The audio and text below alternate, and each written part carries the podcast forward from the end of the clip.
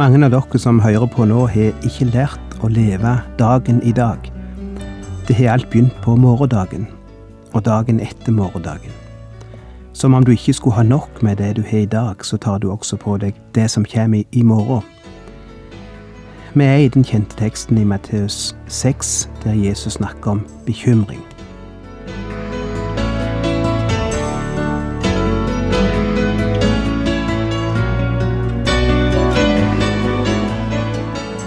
Hjertelig velkommen til et nytt program i serien Vindu mot livet. Vindu mot livet er basert på programserien Insight for Living ved Chuck Svindal. Programmet er produsert av Kristen Riksradio og blir ledet av Ola Bjoland.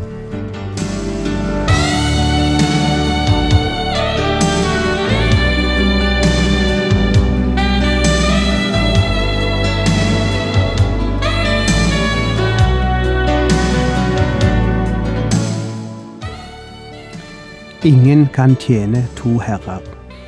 Han vil enten hate den ene og elske den andre, eller holde seg til den ene og forakte den andre. Dere kan ikke tjene både Gud og mammon. Mammon betyr materiell eiendom. Det er det det dreier seg om. Stoff som har en prislapp på seg. Ting som du kan kjøpe. Og her sier Jesus at kan ikke tjene Gud samtidig som du tjener tinga. Det betyr ikke at du ikke kan tjene penger, og enda tjene mye penger, eller at du ikke kan ha ting, eie ting. Det er ingenting med det å gjøre. Men du kan ikke være en slave av ting, samtidig som du tjener Gud.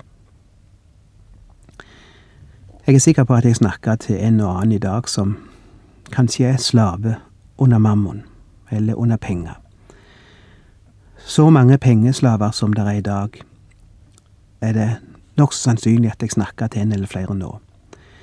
Det du kanskje er opptatt av ifra tidlig om morgenen til seine kvelden, er penger, penger og penger. Hvordan du skal få mer av de, og hvordan du skal investere de når du får mer. Det er en stor fare for at pengene er blitt din herre, i plassen for å være en tjener. Ser du forskjellen? Så lenge pengene bare er en tjener, noe som skal tjene deg, eller den saken du arbeider med. Tjene andre mennesker, kanskje. Så lenge de er et middel, så kan du godt ha et rett forhold til dem. Men problemet er at før du vet ordet av det, så er pengene tatt over sjefsplassen og er blitt herre over deg, og styrer deg og jager deg og driver deg som en slave. Ingen kan tjene to herrer, sier Jesus. Og så fortsetter han. Derfor sier jeg dere, Vær ikke bekymret. Og så kommer han med en serie av formaninger om hva vi ikke skal bekymre oss for. Fordi bekymring er ikke noe annet enn en annen form for mammon, det òg. Det er noe som får makt over oss, som styrer oss og tyranniserer oss. Og ordet som er brukt for bekymring her, er det samme som vi så på sist, som på gresk betyr å bli splitta og bli dratt i forskjellige retninger, og bli distrahert. La oss se på de ting som er nevnt her, og som vi lett bekymrer oss for. Det er så praktisk. Vers 25 nevner de mest nødvendige ting i livet, våre primære behov, og de bekymrer vi oss over. Vær ikke bekymret for mat og drikke, som dere må ha for å leve, og heller ikke for klærne som kroppen trenger. Er ikke livet mer enn maten og kroppen mer enn klærne? Og vi kan nok si, si oss enig i dette så langt. For Jesus sier ikke at mat og drikke og klær er uvesentlige eller uviktige. Tvert om, han sier at mat og drikke må vi ha for å leve. Det er en livsnødvendighet, og kroppen trenger klær. Men la det ikke bli en bekymring, sier han. La det ikke få makt over deg, eller ta strupetak på deg. Som vi har snakket om før. La det ikke bli en bekymring, for da blir det ikke gildt lenger. Da blir det et slaveri. Vel, dette kan vi være enige om. Men Jesus slipper oss ikke så lett. Han tar et veldig enkelt og konkret eksempel. Se på fuglene under himmelen. De sår ikke, de høster ikke og samler ikke i hus, men den far dere har i himmelen, gir dem føde likevel. Er ikke dere mer verdt enn de? Av og til sitter jeg i, i uh, vinduet og studerer fuglene. Spårvann som leker på taket eller i trærne eller på plenen. Det er så gildt å sitte og se på dem. Og det er det Jesus ber oss om her. Se på de, sier han. Ta deg tid til å studere dem. Du kan lære noe av det. Ja, jeg gjør det. Jeg gjør det ofte. Og de ser så lykkelige ut. De ser ikke ut som de bekymrer seg for noe. De ser ikke ut til å bekymre seg for hva de skal ete til kvelds. De nyter øyeblikket. De nyter livet. Kom an, sier du kanskje. Det er intelligente folk du snakker til nå. Hvor lenge skal du holde på med det fuglepratet? Men hør, det er Jesus sin illustrasjon, dette. Det er ikke min. Det er Jesus som sier sjå på fuglene under himmelen. Og det er en super illustrasjon. De sår ikke, de høster ikke og samler ikke i hus. De bekymrer seg ikke. Det er poenget. De leker og synger og gjør livet nydelig. Og de gir oss et eksempel på hvordan vi skal leve. Og så fortsetter Jesus. Hvem av dere kan med all sin bekymring legge en eneste alen til sin livslengde? Og hvorfor er dere bekymret for klærne? Se på liljene på marken, hvordan de vokser. De arbeider ikke og spinner ikke, men jeg sier dere, selv ikke Salomo i all sin prakt var kledd som en av dem. Når Gud kler gresset på marken så fint, det som står der i dag og kastes i ovnen i morgen, hvor mye mer skal han da ikke kle dere? Så lite tro dere har. Og så vers 34. Så vær da ikke bekymret for morgendagen. Morgendagen skal bekymre seg for seg selv. Hver dag har nok med sin egen plage. Mange av dere som hører på nå, har ikke lært å leve dagen i dag. Det er alt begynt på morgendagen, og dagen etter morgendagen. Som om du ikke skulle ha nok med det du har i dag, så tar du òg på deg det som kommer i morgen. Ennå det er ting som du ikke kan gjøre noe med. Jeg sier ikke at vi ikke skal planlegge, at vi ikke skal forberede. Det er ikke det det dreier seg om. Men problemet er at mye av det vi legger på oss, er ting som finner sin løsning når den tid kommer. Det viser seg at det kanskje ikke var noe problem, eller at det lot seg løse når vi møtte det. Men i mellomtida har vi latt det få ligge på oss og skape en masse problemer i vår tanke som seinere skulle vise seg å ikke bli problem. Det er det som er bekymring. Og så lar vi oss stresse oss opp. Og så løper vi og springer og haster av gårde og jages av alt som bekymrer oss. Og så mister vi gleda ved det som hender nå. Vi har våre tanker i det som skal hende i morgen og vi går glipp av det som skjer akkurat nå. Slik han fortalte faren, som hastet av gårde til arbeid, og til alt som skulle skje. Satt ved kveldsbordet og åt sammen med familien. Slengte maten i seg og snakket fort, og yngste at det hele var overstått fort, så han kunne komme seg på de viktige møtene han skulle på den kvelden. Og jenta hans, eller dattera hans, sa, Pappa, skal jeg fortelle deg hva som hendte på skolen i dag. Jeg skal fortelle det veldig fort, hvis du har tid til å høre ei lita stund. Jeg skal fortelle det fort, pappa. Ok, svarte faren, jeg forstår hva du mener. Bare fortell, du. Og du kan godt fortelle det sakte. Bare ta deg tid. Jeg er ikke så travelt at jeg ikke kan høre på deg. Ja, men pappa, hvis jeg skal fortelle det sakte, da må du òg lytte sakte. Vet du, når vi er bekymra og stressa, så lytter vi ennå til fort. Vi hører ikke alt som blir sagt. Vi tar det ikke til oss. Og det er problemet for Gud, at han får oss ikke til å lytte sakte. Han får oss ikke til å høre etter, til å stanse opp. Dermed får han ikke si oss det som kunne tatt mye av bekymringene ifra oss. Og så lever vi som hedningene, sier Jesus. Ja, tenk det, sier han. Det er et liv som ikke, en kristen, som ikke er en kristen verdig. Hvorfor skulle vi ha en Gud hvis vi ikke skulle kunne stole på Han? Hedningene har ingen Gud som de kan stole på. Derfor er de opptatt av alt dette. Alt dette er hedningene opptatt av. Men den Far dere har i himmelen, vet at dere trenger til alt dette. Det sier at det er mine barn, og at det har meg til far, men det lever som om det skulle være farløse, sier Jesus. Det lever som de som ikke har en far som bryr seg om de. Søk først Guds rike og Hans rettferdighet, så skal dere få alt det andre i tillegg. Tenk om vi kunne levd slik. Tror du ikke du ville vært lettere å være sammen med da? Tror du ikke vi ville vært bedre ektefelle da? Eller foreldre? Eller venner? Eller sjelesørgere, for den del?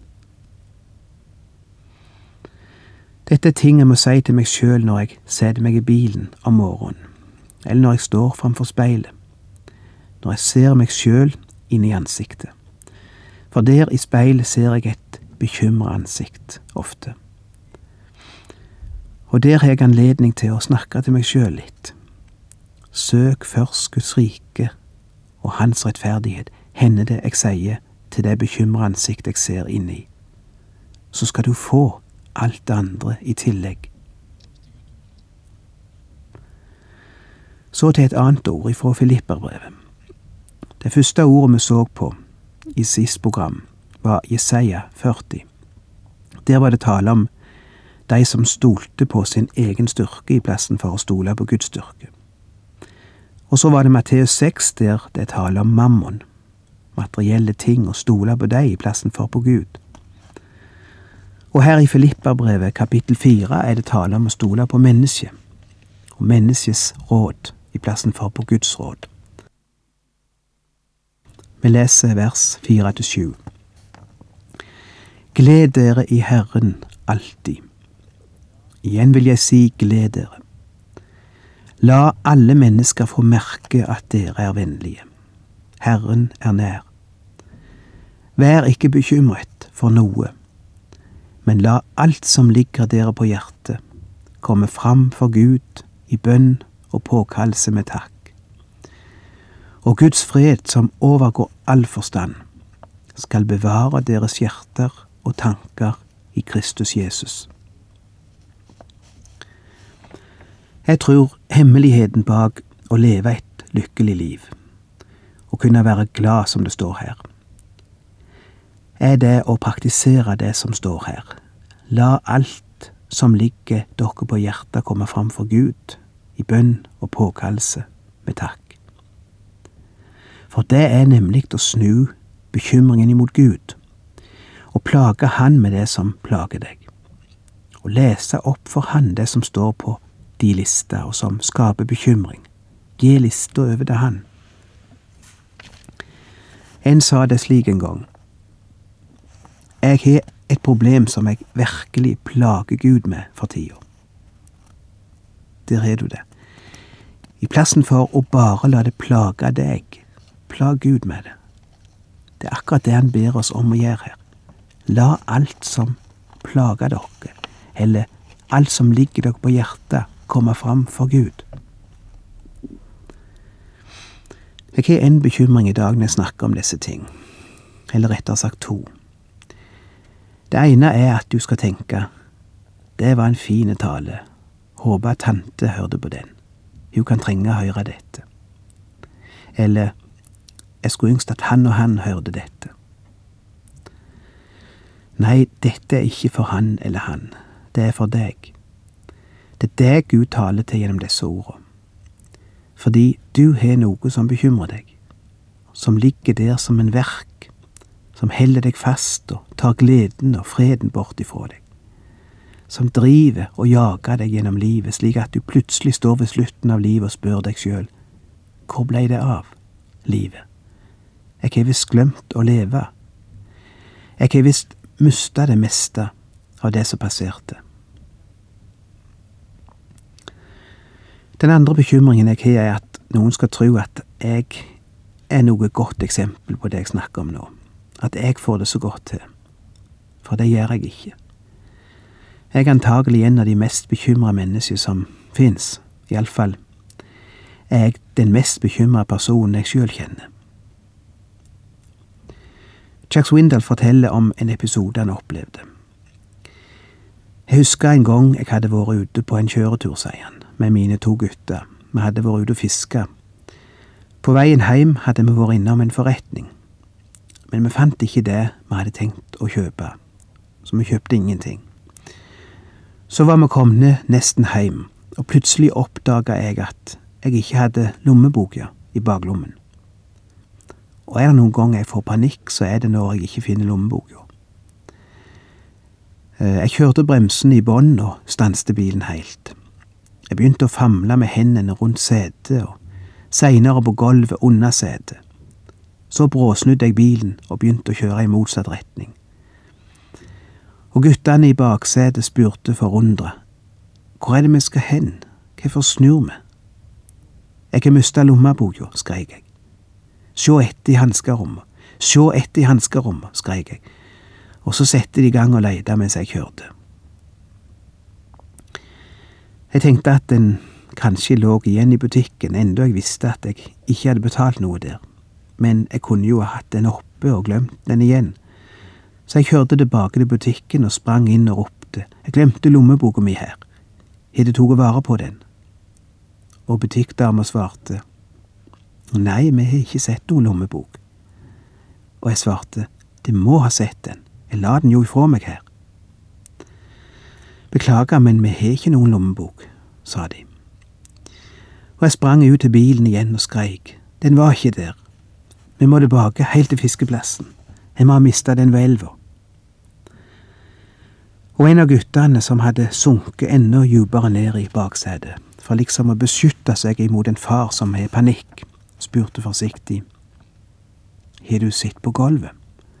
Kanskje den ligger under setet? Og jeg fnyste av forslaget, for jeg hadde jo nettopp sjekka der.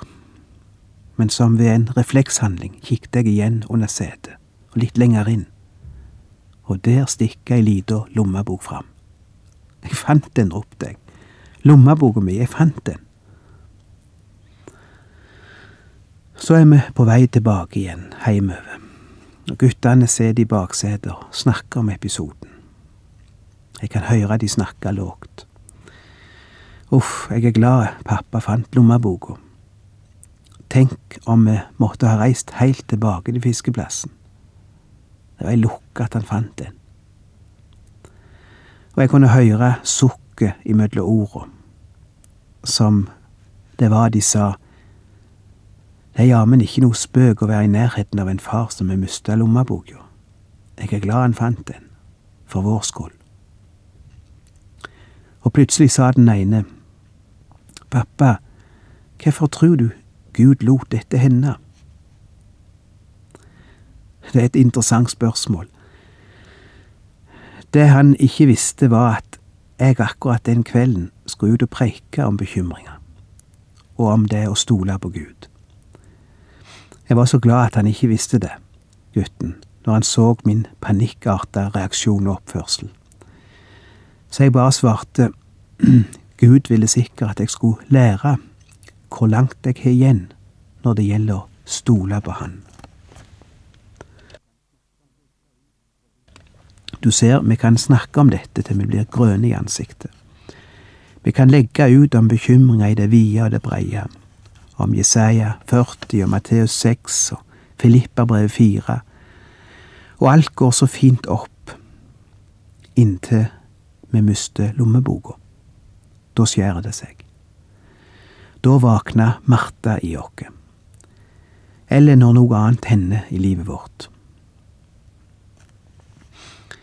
Jeg har antagelig en lengre vei å gå her enn de fleste av dere. Jeg har ikke lært dette. I teorien kan jeg det. Men så hender det jeg mister ei lommebok eller noe annet. Og så er det å begynne forfra igjen. Og si til seg sjøl det Gud har sagt i sitt ord. Og si til seg sjøl det du har sagt til andre så mange ganger. Og anvende disse evige sannhetene på deg sjøl.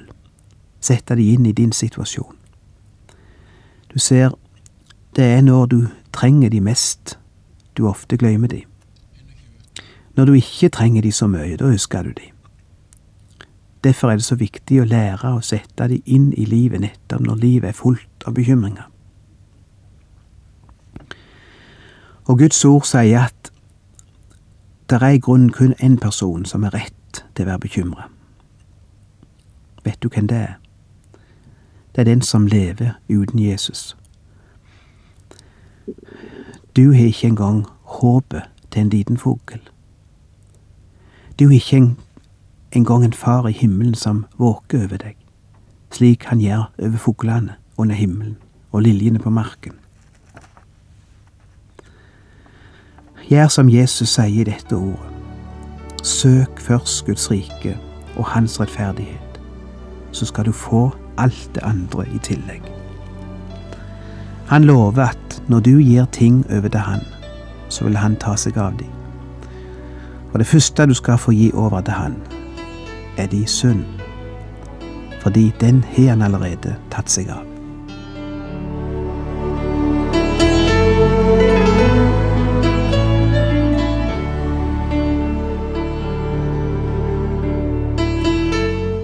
Du har lytta til Ola Bjoland i serien 'Vindu mot livet' fra Kristen Riksradios arkiv. Ola Bjoland var ansatt i Kristen Riksradio inntil han døde i 2002.